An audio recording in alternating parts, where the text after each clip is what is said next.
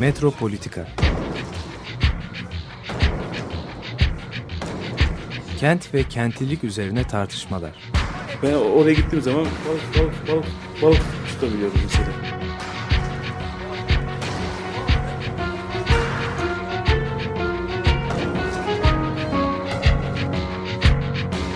Hazırlayıp sunanlar Aysin Türkmen, Korhan Gümüş ve Murat Güvenç.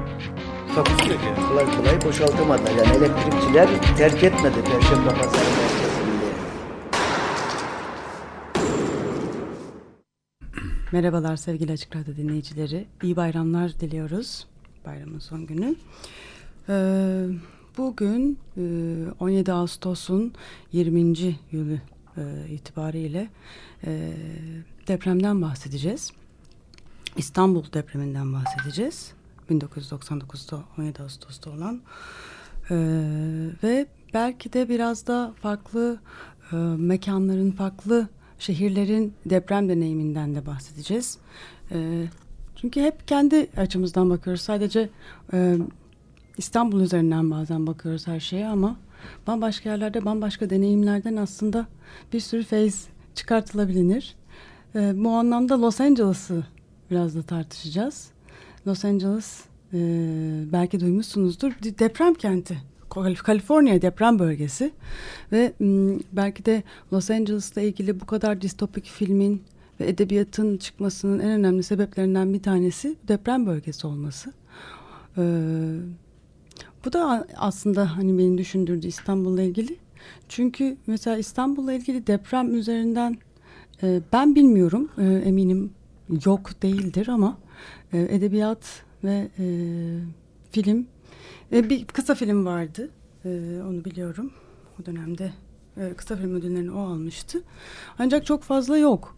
E, dolayısıyla aslında depremle hemhal olma durumu da yok sanki. Böyle hani edebiyatın çıkmamış olması ki e, haya, e, işte e, ben 40 küsur yaşındayım. Hayatımın en önemli e, olaylarından bir tanesi. İstanbul'un en önemli olaylarından bir tanesi. Bütün İstanbul'u baştan şekillendirme e, kalkışmasına sebep olan yani kentsel Kentsel dönüşüm, dönüşüm. denilen bir şeyi ortaya koyan bir şey ama bir yandan da psikolojik olarak e, hani e, sosyopsikolojik olarak çok fazla değişmediğimiz, çok fazla üzerine düşünmediğimiz bir şey. Bunu da ben e, hani Los Angeles üzerine çalışırken e, özellikle David Ullen diye Los Angeles üzerine en önemli gazeteci ve yazarlardan bir tanesi olan e, David Ullen'in e, yazdıklarından çıkartıyorum. E, kendisinin e, Los Angeles üzerine şehir çalışmaları üzerinden yazdığı bir sürü şey var. Ama Los Angeles edebiyatını top, topluyor. Los Angeles üzerine yazılmış romanları ve öyküleri bir arada topladığı bir kitabı var. Ve bir de deprem kitabı var. E, dolayısıyla hani böyle e, aslında kent üzerine bizim tarzımızda e, bu radyo programı tarzında kente yaklaşırken deprem onun için kitaplarından bir tanesi. Yani en önemli e, yaklaşımlardan bir tanesi kente. Bütün filmlerin de bu distopik filmlerin de böyle bir bağlantısı olduğunu düşünmemek elde değil. Tabii e, Los Angeles'ın hani kuruluş hikayesinde de hep afetler, hep e, katliamlar var. Hani e, büyük bir e, zaten ilk e, Los Angeles'ı Los Angeles yapan büyük bir barajı yapılması ve bütün bir nehrin sularının gittiği noktadan bambaşka bir noktaya kaydırılmasıyla e, orada yaşayan nüfusun çok ağır zarar görmesi, yüzlerce insanın ölmesi gibi bir başka bir felaket hikayesiyle kurulan bir şehir. Ama bir yandan da e, belki de bizim e, burada yaşamadığımız dönem dönem yani 99'da yaşandı, Bodrum'da iki yaz önce yaşandı ama e, yani sürekli sallanan bir yerde olmak tabii biraz daha farklı bir durum. Biz bir kere sallanıyoruz, bir dönem yaşıyoruz. Ondan sonra o sallantının etkisini çok fazla hayatlarımızda yaşamıyoruz. Bunu hayatlarımıza geçiremiyoruz. Ama e, Kaliforniya'da böyle bir süreklilik olduğu için de hiçbir zaman hani üzerlerine bastıkları e, toprağı sağlam hissedememe, sağlam toprak, sağlam zeminde olduğunu hissedememe, her an altından kayabilecekmiş gibi bir histe yaşama durumunun e, edebi ve e, filme yansımaları çok daha farklı şekilde oluyor. Ama bir yandan da hani biz de burada e, hani bütün 99 deneyiminden sonra yepyeni bir İstanbul oluştu. Biz burada ne kadar sağlam zemindeyiz? Biz bu e, yani bütün bu deneyimi nasıl hayatlarımıza taşıdık? Kentsel dönüşümü hayatlarımızda nereye koyduk? Bunların bir yandan da hani böyle bir felsefi bir şeyini çok fazla yapmıyoruz.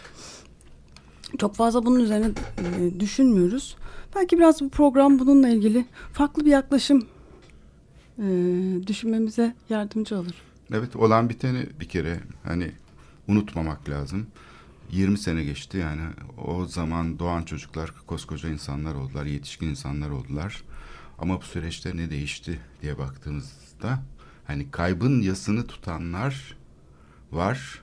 Bir de kaybın yasını tutar gibi gerçekleşen ritüeller var. Şimdi burada e, ben yani bu süreçte e,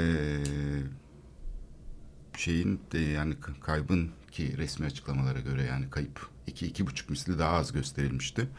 İnatla bu felaketin nedenlerine işaret etmek isteyen çok saygı, saygı duyduğum insanlar var. Ama diğer taraftan da onların bu onurlu direnişini, bu hatırlatma kaygılarını, saygı, onları saygıyla anarken onlar iyi ki varlar. Bu felaketi, bu kaybın farkındalığını bulandırmaya çalışan bir süreçin de işlediğini düşünüyorum. Aynı şekilde. Yani kaybın farkındalığı kadar bu kaybın farkındalığını örtmeye çalışan e, bu şeyi bir e, basit bir anma şeklinde bir resmi bayram, resmi anma vesaire gibi ele alan bir tekrara dayanan e, işte e, bildiğimiz e, şey var. Bu yüzden bir kere bu başımıza gelen şeyi yani insanların başına gelen şey, yakından tanıklık ettiğimiz şeyi, neye tanıklık ettiğimizi, bu travmatik tanıklığı bir kere yeniden ele almak gerekiyor. Çünkü bu tanıklık işlenmiş bir tanıklık. Sürekli işlenerek geleceğe aktarılıyor. Bu işleme yeniden üretim sürecinde e, bir şeyin olması gerekiyor. E, e, bir e, orada bir inadın olması lazım. Yani bu şeyin farkındalığı koruyabilmek için nedir? Bu tip felaketler, afetler aslında nedenlerle sonuçların yer değiştirebildiği tuhaf zamanlardır. Çünkü öyle bir şey olur ki insanlar bildikleri bir takım şeylerin aslında Yaramadı, işe yaramadığını işe yaramadı. fark ederler. Mesela işte bizim hani planlar işte şeyler işte bir imar planları işte şeylere düzenlediğimiz kamu hayatımızı fiziksel çevremizi düzenlediğimiz o büyük öteki denebilecek Lakancı bir şeyler hani böyle yukarıdan bize dayatan bir şey kimse aslında ciddiye almaz. Çünkü bu şeydir yani bir görüntüdür ve hiçbir işe yaramadığını herkes bilir. İşte rüşvetler verilir, şeyler yapılır, üzerinde oynamalar yapılır falan. Yani ulaşım sorunu yaşanır, işte şey yaşanır hani şehirde bir fakirleşme olur o yüzden kentsel dönüşüm şeylerinde işte ortaya çıkar sorunlar falan. Bunlar çok şey olmaz ama afet anında bu böyle şey gibi bir flash gibi aydınlattığı için ortalığı nedenler gözükmeye başlar. Ve bu anda aslında koltuğun boş olduğu görülür. Yani şeyin otoritenin koltuğunun boş olduğu görülür. 99 depreminde aslında en önemli şey o büyük ötekinin yokluğuydu. Yani o kural koyma şeyini herkesin zaten bildiği bir şeydi bu. Aslında o kural koyucu kural koymuyordu. Yani sadece kendi otoritesini tesis ederek bir çıkar şey sağlıyordu. Bir imtiyaz sınıfı üretiyordu. Bir topluluk e, yaratıyordu. Bir tabaka yaratıyordu. Yani soylaştırıcı bir süreç yaratıyordu. Bu afetle birlikte birdenbire bu ortaya çıktı. Yani kamu otoritesi yoktu. Ve 17 Ağustos sabahı yani gece oldu değil mi? Üçte oldu deprem. Sabah ne oldu? İnsanlar ad hoc örgütlenmeye başladılar. Tuhaf bir şekilde devletin haberi yokken yani bizzat başbakan deprem bölgesine gitmeye kalkmıştı. Bir şey yok falan diye de hatta e, kamuoyuna bir açıklama yapmıştı. E, bu bağımsız yani hiçbir şey olmadığı halde yetkisi ve sorumluluğu olmadığı halde insanlar harekete geçtiler. Ve bu harekete geçen insanlar haberleşmeyi sağladılar. Yani bütün televizyon kanalları bu koordinasyon merkezinden haber almaya başladı. Ve bu yıllarca sürdü. Yani sadece bir anlık, bir günlük bir şey değil. Bütün yardım ekipleri ki bölge e, birdenbire küresel bir şey akmaya başladı. Japonya'dan, işte Kanada'dan, İngiltere'den, Yunanistan'dan, her yerden ekipler geliyordu. Yardım ekipleri bu çünkü büyük bir afet. Bu afete cevap verebilecek ne belediyelerin ne devletin en ufak bir kamu şeyi yoktu. E, kurumu yoktu. Onları yönlendiren gene bu bağımsız, hiç yetkisiz, deneyimsiz ama ilişki kurma kabiliyeti olan. Şimdi yeni bir şey ortaya çıktı. Tıpkı Gezi'ye benzetilebilir aslında. 99 depremi sonra oluşan hareketlilik Gezi olayını tıpatıp aynısıdır. Kamu düzenini siviller sağladı ve bunu mükemmel bir şekilde başardılar. O kadar mükemmel bir şekilde başardılar ki bu bir başarı öyküsü olarak ortaya çıktı.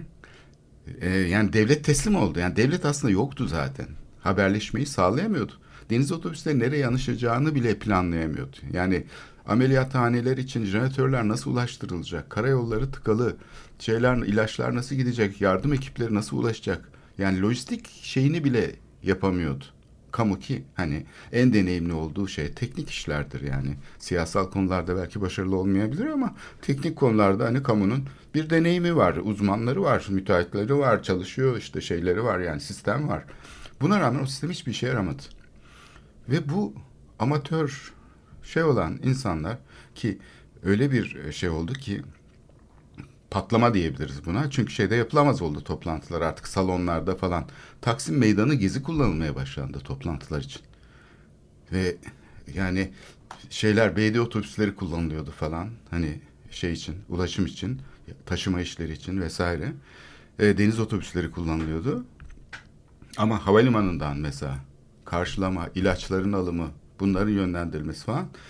E, depremin böyle birkaç e, yani bir süre geçtikten sonra üstünden devlet neredeyse yani yokluğunu kendisi de hissetmeye başladı ve müdahale etmeye kalktı sürece. Yani onu hatırlayanlar çok iyi bilir çünkü bir anda devlet bu sivil toplum kuruluşlarının işte bu çalışan insanların e, şeyden bölgeye sokmama, hesaplarına el koyma. Hatırlıyorum. İşte şey yapma. Yani siz gidin artık bu iş bizim işimiz demek istiyordu. Fakat e, bu mümkün değildi. Yani öyle bir şey ki mesela devletin oraya 200 tane vali yardımcısı falan gönderdi deprem bölgesine. Ve bu deprem bölgesine gelen 200 tane vali yardımcısı düşünsene yani devletin üst düzey deneyimli üstelik de insanlar bunlar. Sadece orada işte termal tesislerde günlerini geçirdiler. Hiçbir iş yapamadılar. Çünkü yatay ilişki kurma kabiliyetleri yok. Esnek değiller. Sadece karar almayabilirler ama bilgi olmadan karar alınamıyor ki. O yüzden onların birer tane lüks otomobili vardı böyle şey. Renault, Safran falan gibi. Bir de şoförleri vardı. O şoförler çok işe yaradı. Bütün işleri onlarla gördük mesela. O yüzden de devlete e, gerçekten hani çok teşekkür etmek gerekiyordu. Hiç olmazsa o işe yaramayan idareciler sınıfının altında hala işe yarayabilecek bir insan şeyi de vardı. E, şoför gibi işte araç kullanıcıları gibi falan. Dolayısıyla onlar çok işe yaradılar mesela. Gene operatörler işte şey makine kullanıcıları falan. Bunlar zaten çok işe yaradı ama karar merci tamamen içi boştu yani koltukta kimse oturmuyordu. Şimdi bu hale rağmen devlet müdahale etmeye kalktı. Ve inanılmaz bir tepki aldı. Bütün gazetelerde tam sayfa bir ilan yayınlandı ve altında bütün kamuoyu vardı. Sağcı solcu falan değil. 200 tane STK'nın imzasıyla yayınlandı ama aslında hani hürriyet falan bunu ücretsiz olarak tabii bastıkları tam sayfa bir şey. Metnini biz hazırlamıştık. Bir akşam yazdım. Ve o metin yayınlandıktan sonra... Neydi metin? Cumhurbaşkanı hitaben yazılmıştı. Devletin elini çekmesini istiyordu. Bu alana devlet şey yapamıyor. Çünkü devletin elinde hiçbir şey de yok. Felaketi büyütecek. Dolayısıyla yani birlikte çalışmayı öneren bir şey tabii. Kimse kalkıp da sen git e, tatile demiyor tabii ki. Yani valiler, devlet işin içinde olacak ama Sen müdahale tepeden, etme. Tepeden, müdahale etme. Tepeden müdahale etme diyordu. Birinci maddesi buydu. İkincisi de bu çalışmaları takdir et. Dışlayacağına, kötüleyeceğine yani sivil toplum şimdi işte insanlar bu şey bunu anlamaya çalış. Bir burada bir sorun var yani. O yüzden de takdir et diyor ve gerçekten bu iki talep ertesi gün Cumhurbaşkanı Süleyman Demirel tarafından yerine getirildi. Süleyman Demirel bu ilan yayınlandıktan sonra o ki bütün gazetelerde yayınlandı. Yani yayınlanmayan gazete yoktu. Hepsinde tam sayfa bu ilan çıkınca ertesi gün Cumhurbaşkanı televizyona çıktı ve ne deniyorsa aynen yaptı. Evet dedi. Bu şeyi yapmıyoruz. E, kaldırıyorum bu şeyi dedi. Müdahale etmiyoruz. Buradan atmıyoruz bu gönüllü insanları. Şey yapmıyoruz, boşaltmıyoruz. Çünkü zaten devletin yapacak hali de yok. İkincisi de gerçekten dedi teşekkür ediyorum. Ben onların şeyine çalışmalarına e, şeyim e, destek veriyorum dedi. Bu gezide de yapılması gereken şeydi aslında. Kesinlikle. Çünkü geziyi kurtarıyor birileri. Düşünsene. devlet de buna rağmen hayır diyor. Hayır. Öyle bir durumda devletin yapması gereken şey tam da bu. Teşekkür ederim demek. Çok iyi yaptınız. Evet işte bir kamu alanını kurtardınız demesi gerekir değil mi gezi olayı sonrasında. Öyle yapacağına polisleri saldırdı ve şiddet kullandı. Asıl sorg sorgulanması gereken gezi olayında gezi olayın kendisi değildir. Kullanılan şiddettir. Suçtur çünkü o şiddet. Çünkü yasal haklarını kullanan insanlara yapılmış bir saldırı var orada. Şimdi depremde de aynı şeyi, aynı refleksi göstermeye çalıştı devlet. Fakat o kadar güçlü bir birliktelikle, solcu, sağcı, herkes vardı o şeyin içinde. Hiç kendi aralarında hiçbir kaos olmadan gayet iyi düzenliyorlardı haberleşmeyi. Bu ilanı verdiler ve ertesi gün devlet ne isteniyorsa yapmak zorunda kaldı. En üstteki e, Cumhurbaşkanı katından yapılan açıklamayla. Aslında e, bu, biraz daha e, öne almak lazım. Yani bu sivil toplum girişiminin bir birkaç sene öncesinde bu Habitat'la da bağlantısı var. Tabii 94'lerde hatta başladı o süreç. Tabii. 96 Habitat'la belki hani görünürlüğe çıktı. Hazırlıkları 94'te başladı. Yani iki sene öncesinde evet. başladı. E, dolayısıyla evet. böyle bir aslında 90'lardan itibaren yani 80'lerde bastırılmış bir toplumdan sonra 90'lardan itibaren böyle bir sivil toplumun ortaya çıktığını, görünür olduğunu ve çok önemli işler yapmaya başladığını tanık oluyoruz. 2000'lerle birlikte bu İstanbul'un hani çehresini aslında değiştirdi. Bambaşka bir dünya kenti oldu, olduysa İstanbul bu sivil toplumun da çok büyük bir etkisi vardı. Şimdi buradaki şey yani farkındalık şöyle deneyebilir. Mesela Dalan zamandaki Yeşil Dayanışmanın direnişleri. Mesela bu meslekçi bir muhalefetle işte bunlar bilime aykırı, şehir planlamasına yanlış, işte bu rant projeleri falan değil. Doğrudan o projeleri halkla birlikte karşı çıkan bir hareket doğmuştu. Ve Dalan'ın sonunu da getiren o hareket oldu. Yani Galata yıkımlarında mesela Dalan'ı püskürttü. Galata'yı yıkamadı Bedrettin Dalan. Niye? Çünkü oradaki yoksul insanlarla birlikte mücadele yürüttü. Evleri boyadı, onardı yani öyle 10 kişilik bir direniş yapmadı. Yüz binlerce insan bir araya geldi. O da tıpkı gezi olayı gibi bir olaydır. Depremde de aynı deneyim yaşandı. Çünkü e, yani mesela Van'da olan depremde ya da işte şeyde olan e, Lice'de olan depremde belki böyle bir danışma ağı göremiyoruz. Çünkü e, bu sembolik sınıflar yani şey olan bilgi üreten, e, işi şey olan üniversiteler ve falan oraya temas edemediler. Ama buradaki bütün bu çalışmalarda mesela Galata yıkımlarının engellenmesinde İstanbul'un bütün şeyi harekete geçti. Entelektüel sermayesi. Ama seçkinci bir şeyle, e, tavırla değil. Tamamen halkla iletişim içinde olarak. Üçüncü köprü mücadelesinde de aynı şey oldu.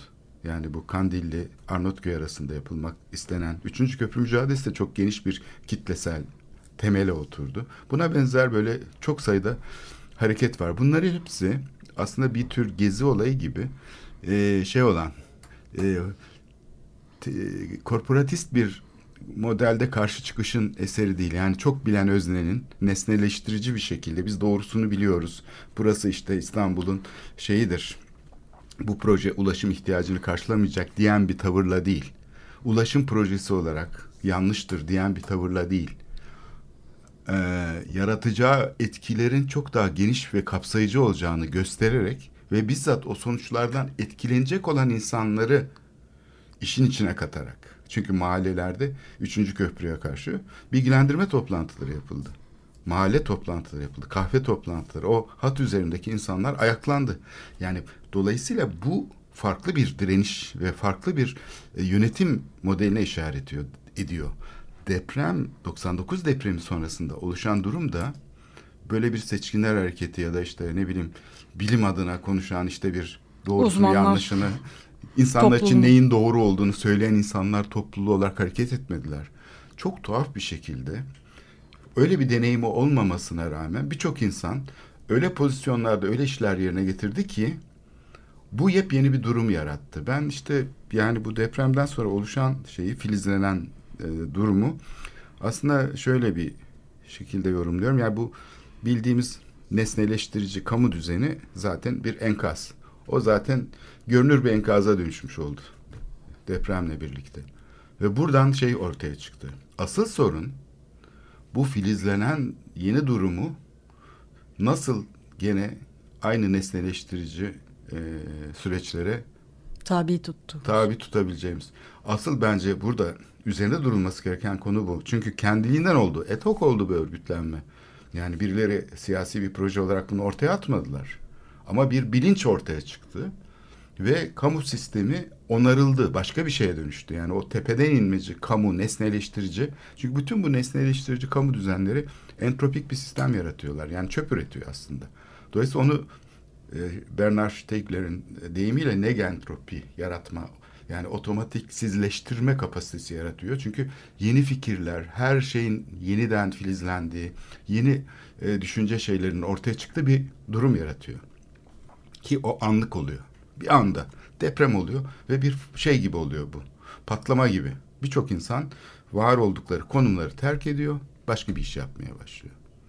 Diyelim ki işte bir- yerde reklam yazarlığı yaparken geliyor birdenbire e, afetzedelere yardım haberleşme işlerini, basın bültenlerini hazırlamaya başlıyor yani mesela. Böyle çok sayıda insan, binlerce insan hatta yüz binlerce insan harekete geçti. Yani e, şeydi yani ilk günler böyle sürekli büyüyen bir şey vardı. Hani Taksim'e taşındı dedim toplantılar megafonla Taksim'de yapılmaya falan başlandı. Çünkü yer sığılmıyordu hiçbir yere. Sonra e, bu sistem öyle bir şekilde gelişti ki yani sadece e, arama kurtarma çalışmaları ya da şey devlet ilk önce böyle zannetti. Yani bunlar şimdi arama kurtarma ekiplerine yardımcı olurlar. Bunlar zaten işte şey oradaki vatandaşlar da zaten bu işi yapıyor. Bununla biter. Hayır. Bundan sonraki adımı atladı. Mesela bu geçici barınaklar, afet sonrası yapılan geçici barınaklar, afet sonrası okullar, geçici e, barınakların yanında işte kadın merkezleri, hasta ekonomik şeyin yeniden yapılandırılması. O kadar konu birdenbire yeniden şekillenmeye ve kamu düzeni yeniden e, şey yapılmaya başlandı ki, inşa edilmeye başlandı ki asıl bence bu süreçte e, şey oldu ve bu süreci engellemek için hani o depremin bir hafta sonrasında ya da beş gün sonrasında birdenbire askeri müdahale gibi yapabilecek olan kamu değil, devletin şiddet aygıtları değil, bu sefer devletin o nesneleştirici aygıtları devreye girmeye başladı. İhalelerle, işte protokollarla yapılan projelerle falan. O gene eski sistemi tekrar tesis etmek için e, süreç odaklı bir dönüşümdü. İşte orada asıl direniş gerekiyordu. Yani orada işte güçlü olmak gerekiyordu. Bunun politikasını üretmek. Çünkü eğer o gerçekleşmiş olsaydı bugünkü bu kentsel dönüşüm felaketine ya da bu piyasacı aşırı ticarileşmiş bir mekansal dönüşüm şeyine indirgenemezdi depremin yarattığı etkiler. İşte bu deprem master planı hazırlandı gene o seçkincileştirici yöntemlerle. Her zaman hazırlanan şey master planları nasıl kapalı kapılar ardında hazırlıyorlarsa. Onun mesela maddelerinden biri katılımdı.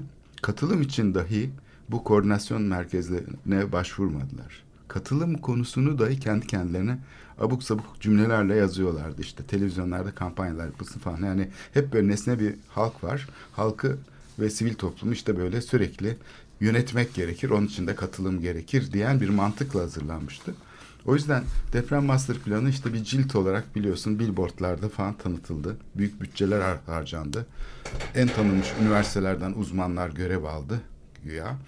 Ve tamamen e, şeyle e, rafa kaldırıldı. Hiçbir işe yaramadı.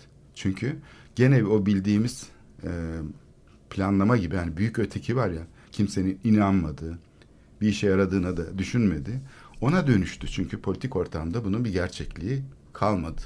Oysa ki depremden sonra başlayan o şey dışı e, bildiğimiz temsil kurumlarının dışında Ya gerçekleşen da bildiğimiz aktörlerden de farklı. Daha önce sivil toplum bu şekilde bir aktör olarak bu, bu şekilde ortada değildi. Yani o anlamda da önemli. Evet bir habitatta işte yani orada devlet politikalarının e, iyileştirilmesinde, yaraların sarılmasında çok önemli bir etkisi oldu sivil toplumun. Yani sivil toplum kavramı belki programda bunu da konuşmak lazım çünkü bugün çok yanlış bir yerde kullanılıyor. Sivil toplum deyince yani işte iki tane karşıt kavram aynı torbanın içine konmuş vaziyette. Biri halk yani sivil toplum şey yapan doğrudan doğruya süreçlerin içindeki ana aktördür. Diğeri ise aslında kamusal yetki sahibi olan, kamusal sorumluluk sahibi olan e, şey e, üretim yapan, bilgi üreten topluluklar. Bunlara da biz sivil toplum diyoruz. Halbuki ikisi birbirine karıştığı zaman yani bu meslek insanları olsun işte bu kapasiteleri yaratan modernleşme sonucu ortaya çıkmış olan işlevleri ortaya koyan e, e, siyaset dışı, temsil dışı kurumlar yani bizim üniversite bitirmiş olduğunu söylediğimiz sınıf yani sembolik sınıf aslında ona da sivil toplum diyoruz. Halbuki o sivil toplumun katılımını sağlayan e, şeydir. Sembolik işlevleri yerine getirir. Kendi için yapmaz. Yani bir şehir plancısı oturup da şehri kendi başına planlamaz. Ben doğrusunu biliyorum diye. Sürekli öznenin dışarıda kaldığını hatırlar. Ama bizdeki sivil toplum kavramı nesneleştirici olduğu için sivil toplum olarak kendini görüp bizzat kendisi itiraz edebiliyor, açıklama yapıyor. Doğruyu ve yanlışı sivil toplum kendi kendine belirleyebiliyor. Buna sivil toplum dememek lazım. Burada çok temel bir hata yapılıyor. Ne yazık ki 94 yılında Birleşmiş Milletler Konferansı için hazırlıklar başladığı zaman bu kavram arandı ve o zaman gönüllü kuruluşlar kavramını ileri süren daha çok sağ e, şeydi siyasi şeyin altında öbeklenmiş olan topluluklardı.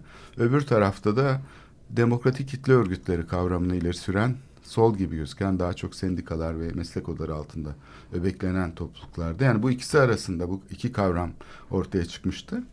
Üçüncü bir kavram olarak işte STK'lar. STK'lar ortaya çıktı. Onu da işte o grup e, tanımlamış oldu. Hatta o akşamı çok iyi hatırlıyorum. Afiş hazırlanıyordu.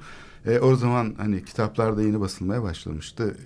Özellikle iletişim yayınları falan kurulmuştu. Ayrıntı iletişim falan bu kamu sağlayan sivil toplum falan gibi şeyler tartışılıyordu. O zaman dedik işte sivil toplum kuruluşları diyelim bu devlet dışı kuruluşlar, NGO'lar karşılığı olarak. Çünkü bir NGO'lar denen bir şey var Birleşmiş Milletler'de ve bunun bir uluslararası ilişkiler ağı var. Bir forum düzenleyecek Habitat sırasında ve en yaratıcı şeylerin ortaya konduğu yer burası. E biz buna ne diyeceğiz? Gönüllü kuruluşlar forumu desek olmaz çünkü o gönüllü kuruluşlar biraz şey neye de benziyor biraz hayırseverlik meselesi yani yardım kuruluşlar hani kurbanlarınızı kesin bize verin falan gibi e, böyle bir şey. Böyle bir şey değil. Sivil toplum bu değil. Burada basbaya politikanın oluşumunu etkileyen kurumlardan söz ediyoruz. Halkın katılımını sağlayarak. Dolayısıyla buna bir isim bulmamız lazım. İktidar dışı kurumlar aslında bunlar. Yani temsili olmayan kurumlar. NGO. Evet. Biz buna bulamadık isim. Yani işte demokratik kitle örgütleri desek onun için çok bastırdı meslek odaları ama o doğru değildi. Onun için kabul etme, edilmedi. Ondan sonra işte bir akşam e, artık son noktadaydık. Hani STK dendi ve geç, geçildi. Ama bu da çok büyük bir sorunu beraberinde getirdi. Bu sefer herkes STK demeye başladı kendine. İşler karışmaya başladı. BD'ler bile hatta STK demeye başladılar. Siyasi partiler STK. Halbuki onlar temsili kurumlar. Yani kamu alanındaki bu temsili olanla temsili olmayan arasındaki farkı altı çizilemedi diye düşünüyorum. Çok kısa bir müzik arası verelim. Ee, ondan sonra bu 17 Ağustos deprem üzerine yaptığımız programımıza devam edelim. Cass McCombs'tan dinliyoruz. Tip of the Sphere albümü 2019 albümünden Sleeping Volcanoes. Müzik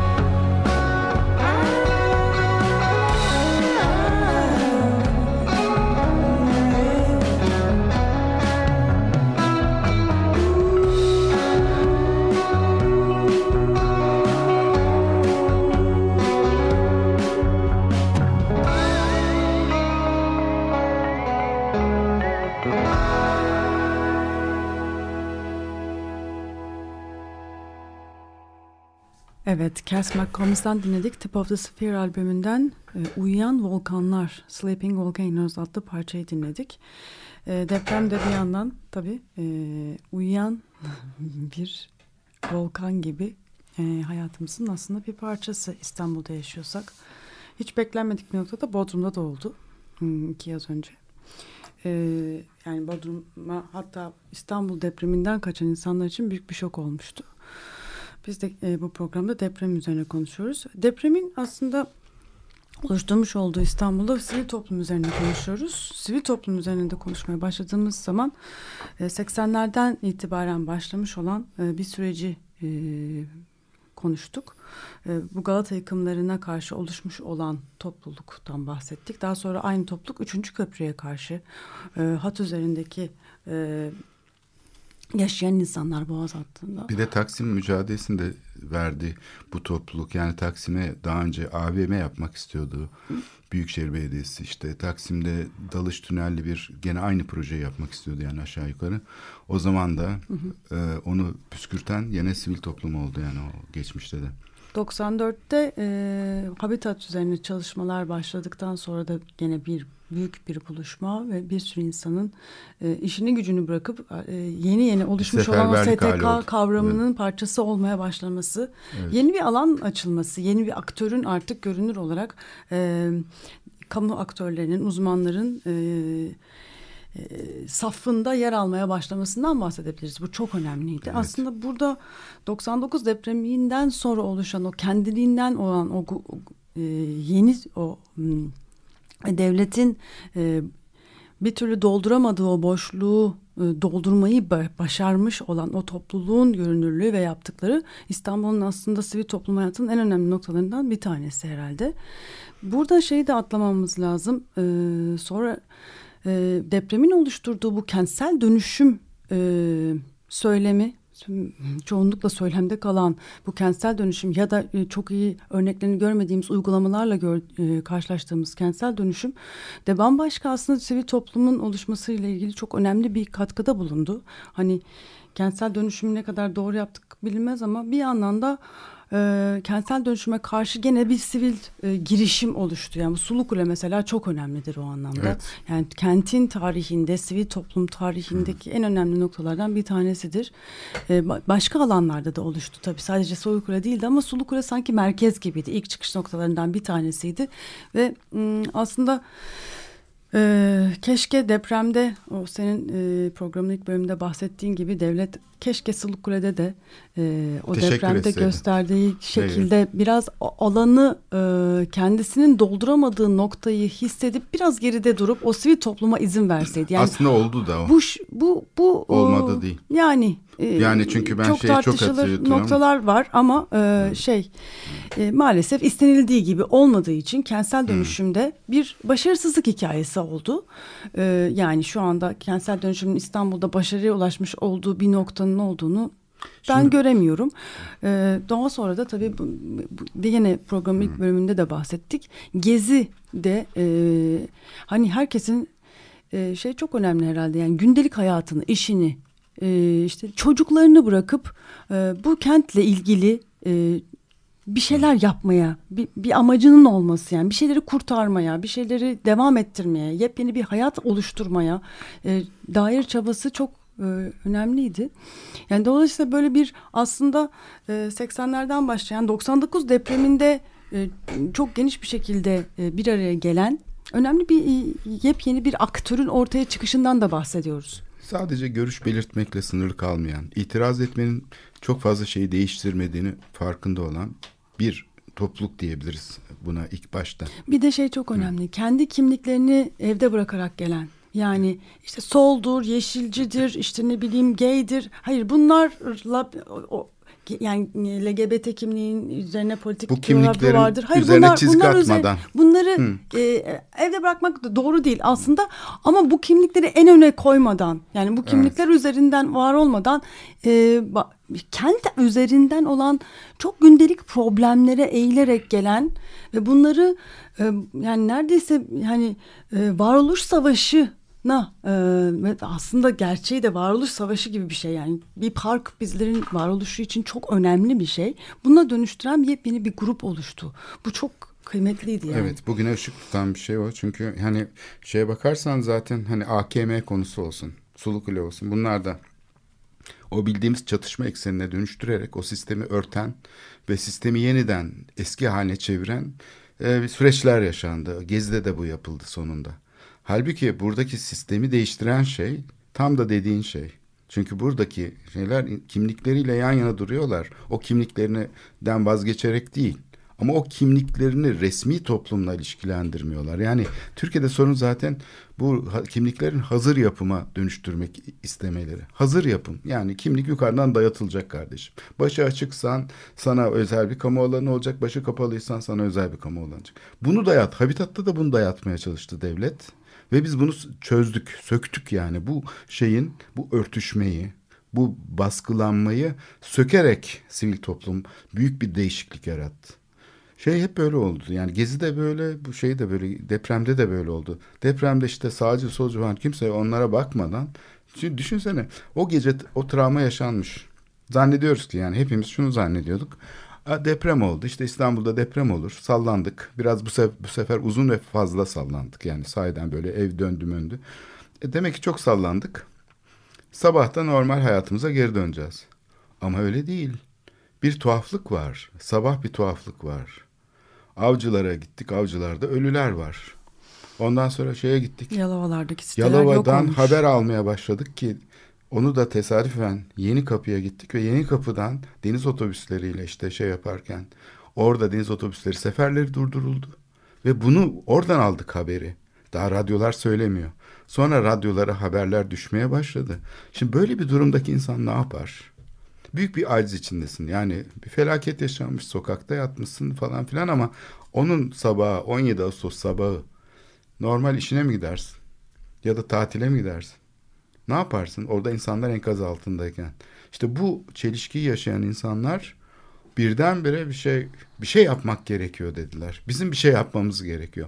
O yüzden yani böyle edilgin bir nesne konumundaki vatandaş, edilgin konumdaki e, şey e, kurumlar bir anda aktif hale geldiler ve herkes nasıl işe yarayabilirim diye düşünmeye başladı. İşte açık radyoda toplantılar yapıldı mesela o süreç içinde gönüllere çağrılar yapıldı ve doktorlar mesela gönüllü doktorlar muazzam başarılar yani inanılmaz işler yaptılar. Çok cefakarca nasıl söylenir yani hiç kimsenin yapamayacağı işleri yaptılar. O korkunç koşullarda gittiler ve deliler gibi çalıştılar. Yani şunu söyleyebilirim 99 depreminden sonra bu koordinasyon işini üstlenen insanlar yaklaşık beş sene hiç oturmadılar. Beş sene boyunca. Bir sene boyunca değil. Deprem bölgesinden başladılar evet. Ama o şeye de aşılandı. Mevcut yerleşim alanlarında kentsel dönüşüme alternatif bir sağlıklılaştırma, iyileştirme nasıl yapılabilir? Sokak sokak çalışıldı mesela. Bu da çok önemli bir şey. Japonlarla, Hollandalılarla, İtalyanlarla yani aklınıza gelebilecek her yerden insanlarla köprüler kurdular. Bu da çok ciddi bir süreklilik taşıyan bir işte. Ben 99 depreminin basitçe yasını tutmanın, oradaki kayıpların yasını tutmasını, tutmanın tek başına bir anma etkinliğiyle olabileceğini düşünmüyorum. Bu asıl bu tarafına yani insanların buna karşı göstermiş oldukları edilgin konumlarını bırakarak etken hale gelmelerinin e, çok daha önemli bir şey yaratabileceğini düşünüyorum. Bir yas tutma biçimi yaratabileceğini. Çünkü gördüm o depremde yakınlarını kaybeden insanlar da canla başla çalıştılar. Hepsi o şeyini ailesini kaybetmiş insanlar vardı yani. Nasıl çırpınıyorlardı yani o. Başka türlü zaten bu travma atlatılamazdı. Yani başka türlü bunun karşılığı verilemezdi. Şimdi depremin insan yapımı olduğunu söylememiz gerekiyor.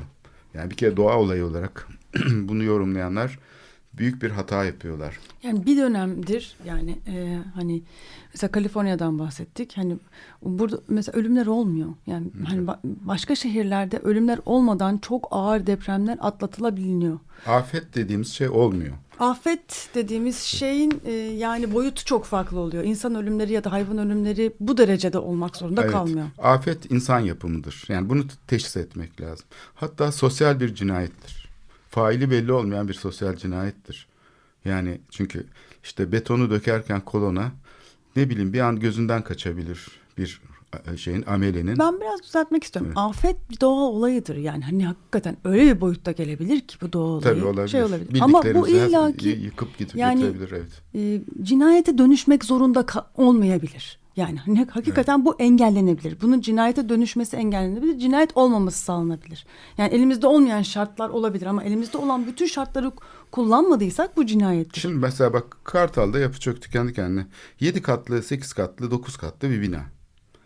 E, deniz kumuyla yapılıyor. Yıkanmamış deniz kumu. Kol, en dipteki 7 katlı binanın ya da 10 katlı binanın en dip cinayettir. kolonuna yani birinci katının temel kolonuna dökerken yukarıdan foş diye çok sulu betonu dökersen o bağlayıcı bir kere aşağıdan akıyor gidiyor. Ne oluyor? Elinle böyle koparabilirsin agregaları. Ben çok gördüm İstanbul'da. Yedi katlı binanın en temeli çürük. Çünkü kimse o ameleye ya bu şeyi bir kere çamur gibi dökmeyeceksin. Çünkü betona su bedava olduğu için suyu bol bol koyuyorlar. Çimento pahalı ama su bedava. Suyu kısıtlamayı, dengeli koymayı bilmiyor Türkiye'de insanlar. Bunu foş diye döküyorlar. Foş diye dökünce de ne oluyor? Aşağıda ayrışıyor ve çimento akıyor gidiyor. O yüzden hazır beton meselesi mesela bunu çözdü. Hazır beton dökülürken böyle bir şey olmuyor. Ama gene bazen su miktarı fazla. Ya da çok basit bir şey. Yani bitişik nizam Beyoğlu'ndaki binaları düşün. Aradaki bir yapı yıkılıyor. Yeni bir betonarme yapı yapılıyor. Şimdi burada doğal gaz gelmiş olduğu için altta kömürlük yok. Dolayısıyla yarım kat şaşırtmaya gerek yok. Yani doğrudan doğruya düz ayak hatta mağaza gibi de yapılabilir. Yarım kat şaşırtıyorlar. Şimdi bunu yapan mimar betonarme plağı getiriyor. Yığma binaların duvarlarının tam ortasına bu betonarme plağı da dayıyor her katta. Bu ne demek? Bu bir cinayet demek aslında. En küçücük bir depremde o bina iç içe girecek. iki bina. Çünkü bisküvi gibi o tuğlanın önüne betonarme plağı böyle şey gibi bıçak saplar gibi bir bisküvi ile bıçak ilişkisi düşün. Bu şekilde bir ilişki kuruyor. Şimdi bu yapı deprem yönetmeliğine uygun. Ama deprem yönetmeliği yapılar arasındaki ilişkiyi dikkate almıyor ki. Şimdi burada bir eksiklik var ve bunu yaparken de mimar görmüyor bunu. Ben kurallara uygun yapıyorum diyor. Önünden geçen birisinin çığlık atması lazım. Burada cinayet işleniyor demesi lazım. Kimse çığlık atmıyor. Gördüğü halde herkes normal karşılıyor böyle bir durumu. Şimdi buna benzer çok sayıda konu var. Yüzlerce konu var. Yani ben şimdi hani izolasyon konusu bile bir örnek. Yani temelde izolasyon yapmasan demirler çürüyor. Gayet basit. Ve o yüzden binalar temelden çürüyor. Kadıköy yakasında falan böyle çok şeyler vardır yani yapıların temeli su basmıştır. Hep su dolar bodrumlarına. İnsanlar küften şikayet ederler. Sivrisinekten şikayet ederler ama binanın çökeceğinden şikayet etmezler. Çünkü bina çökmedikçe, felaket başına gelmedikçe insanlar failleri anlayamazlar. Neden Bir de, olduğunu e, anlayamazlar. Toplanma alanları yok çoğu yerde. Yani mesela Maltepe'de ben biraz üst kattan bir böyle ba- bakmaya başladım. Ya bir alan yok. Yani sadece apartman var. Yani üst üste üst üste yan yana dip dibe apartman apartman apartman yani bir, bir alan yok. Peki şimdi yani e, bu insanlar nerede toplanacaklar? Yani umarım hani binalar sağlamdır da yıkılmazlar. Ee, hani yıkılmadıkları takdirde bile bu insanlar dışarıda olmak isteyecekler. A- binaları terk edecekler. Ve Nereye yer yok. gidecekler? Herkes bir yerlere savrulacak ve birbirlerini de ezebilir durumda olacaklar. Yani bir yönlendirme yok, bir yer yok, bir yerde toplanacak bir, bir geceyi geçirecekleri alanları yok. Ondan sonraki kamu düzen- Herkes sokaklara dökülecek düzenini mesela. düşün. Yani bu vahşi bir kamu düzeni olacak. Yani depremden sonra çünkü zannediliyor ki işte yeni yapılan yapılar sağlam onlar yıkılmayacak zannediliyor. Değil mi? Deprem yönetmelikleri değişti. Dolayısıyla o yapılar yıkılmayacak. Hayır. O yapılar da hasar görecek. Deprem yönetmelikleri yapılar yıkılmayacak demez. Bir kere yatırım değeri olarak onlar sıfırlanacak. O yeni yapılan binalar kentsel dönüşüm sonrası. Belki bir kısmı yıkılmayacak, ayakta kalacak ama Umarım. ama o insanlar gene içinde oturamayacaklar. Çünkü 99 depreminde o modern binaların ayakta kalanları, betonarme binaların içine insanlar girmedi. Gittiler kırsal kesimdeki eski baba ocaklarına, o ahşap çatkılı, içi hımış dolgulu yapılara taşındılar. Çünkü orada gelenek yap- e, risk bilgisini aktardığı için kuşaktan kuşağa onun sağlam olacağını biliyorlardı. Bunu Dünya Bankası uzmanı gelmişti. Randolph Langenbach isimli. Bunun üzerine bir makale yazdı adam. Dedi ki bakın modern zamanlarda bu kurallarla yapılıyor bu binalar, planlarla yapılıyor ve bu insanlar sağlam kalan binalar bunlar. Bunlar için oturmuyorlar. Yalova'da, Gölcük'te bu binalara insanlar uzun bir süre girmedi. Yıllarca belki girmeyen var. gittiler kırsal kesime taşındılar. O yüzden kuzeyde Kefken'de ve vesaire şey arttı nüfus artışı oldu. Yani nasıl İstanbul'un kuzeyine doğru bugün şey varsa bir akım hani o zaman da işte şeyde Körfez bölgesi kuzeye doğru taşınmak zorunda kaldı. Tabii yani aslında birazcık daha farklı bir şekilde bir araştırma yapılsa depremin İstanbul'un yerleşimlerini çok etkilediğini hissedebiliriz. Yani yepyeni yerleşimler bile kuruldu 99 depreminden sonra. Yani bildiği yerlerde oturmayı reddedip yepyeni alanlara taşınıp orada yeni tarz e, daha az katlı yerlerde oturmayı tercih eden bir insan grubu var. İstanbul'u tamamen terk edenler var deprem yüzünden. Yani bütün bunlar aslında çalışılsa çok ilginç şeyler çıkabilir. Bizim için de yardımcı olur aslında. Yani yeni hazırlıklar için de böyle bir çalışma muazzam bir e, altyapı oluşturur. Gerekiyor zaten hani. Evet ben onun için yani bu yas tutma ve anı anma meselesine bu perspektifin senin söylediğin bu perspektifin getirilmesi gerektiğini düşünüyorum. Çünkü bu klasik anma şeyine dönüşmesi 20. yılında da bunun bu şekilde tekrarlanmasına ben isyan etmek gerekir diye düşünüyorum. Kamu yönetimleri sanki hani böyle bir şeymiş gibi bildiğimiz bu e, şeyi e, içindeki problematiği kavramadan bu sorunu çözebilecek şeylere tam tersine örtbas ederek e, süreci tamamen gene eski şekline dönüştürerek e, süreci devam ettiriyor bugünkü sistemi. Bu yüzden yani eğer deprem, afet biraz alegorik ya da biraz şey olarak cinayet e, kavramı kullanıyoruz burada. Sosyal cinayet diyorsak bu cinayet bir kere işlenmiyor. İstanbul'daki kentsel dönüşümün de gösterdiği gibi iki kere işleniyor. Bir kere bir felaket oluyor. O felaketten sonra bir direniş ortaya çıkıyor. Bu direniş bastırılıyor. Ortada filizlenen yeni bir durum var.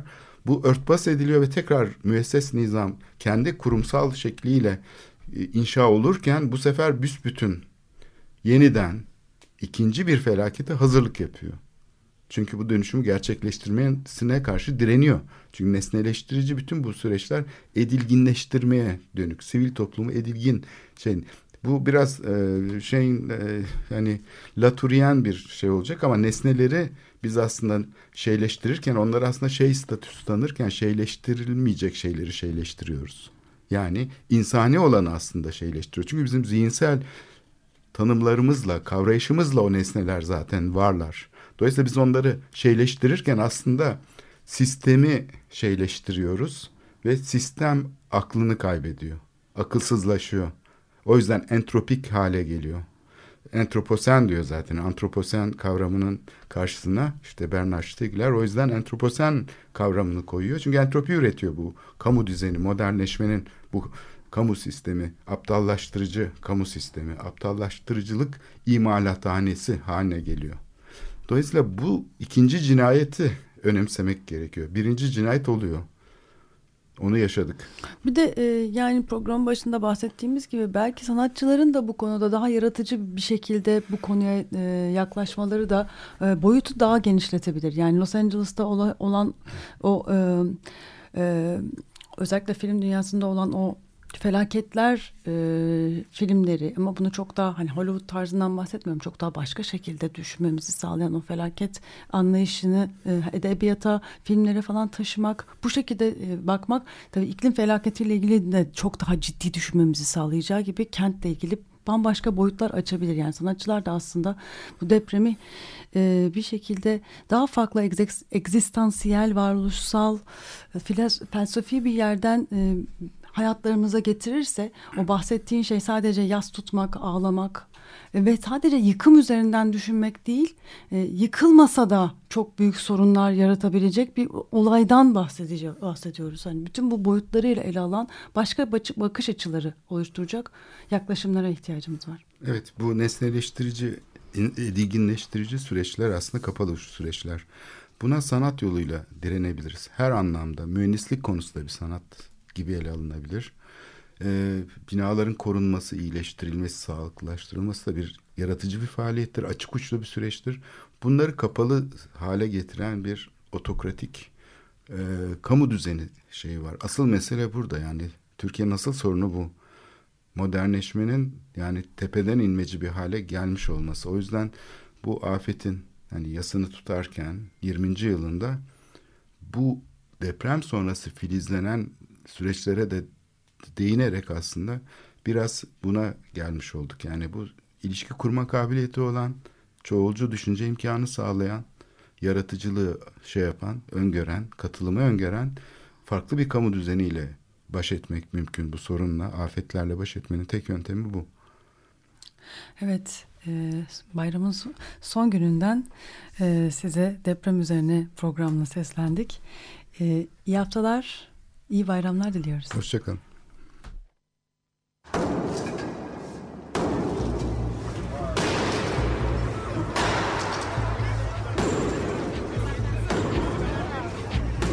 Metropolitika Kent ve kentlilik üzerine tartışmalar. Ben oraya gittiğim zaman balık balık balık balık tutabiliyordum mesela.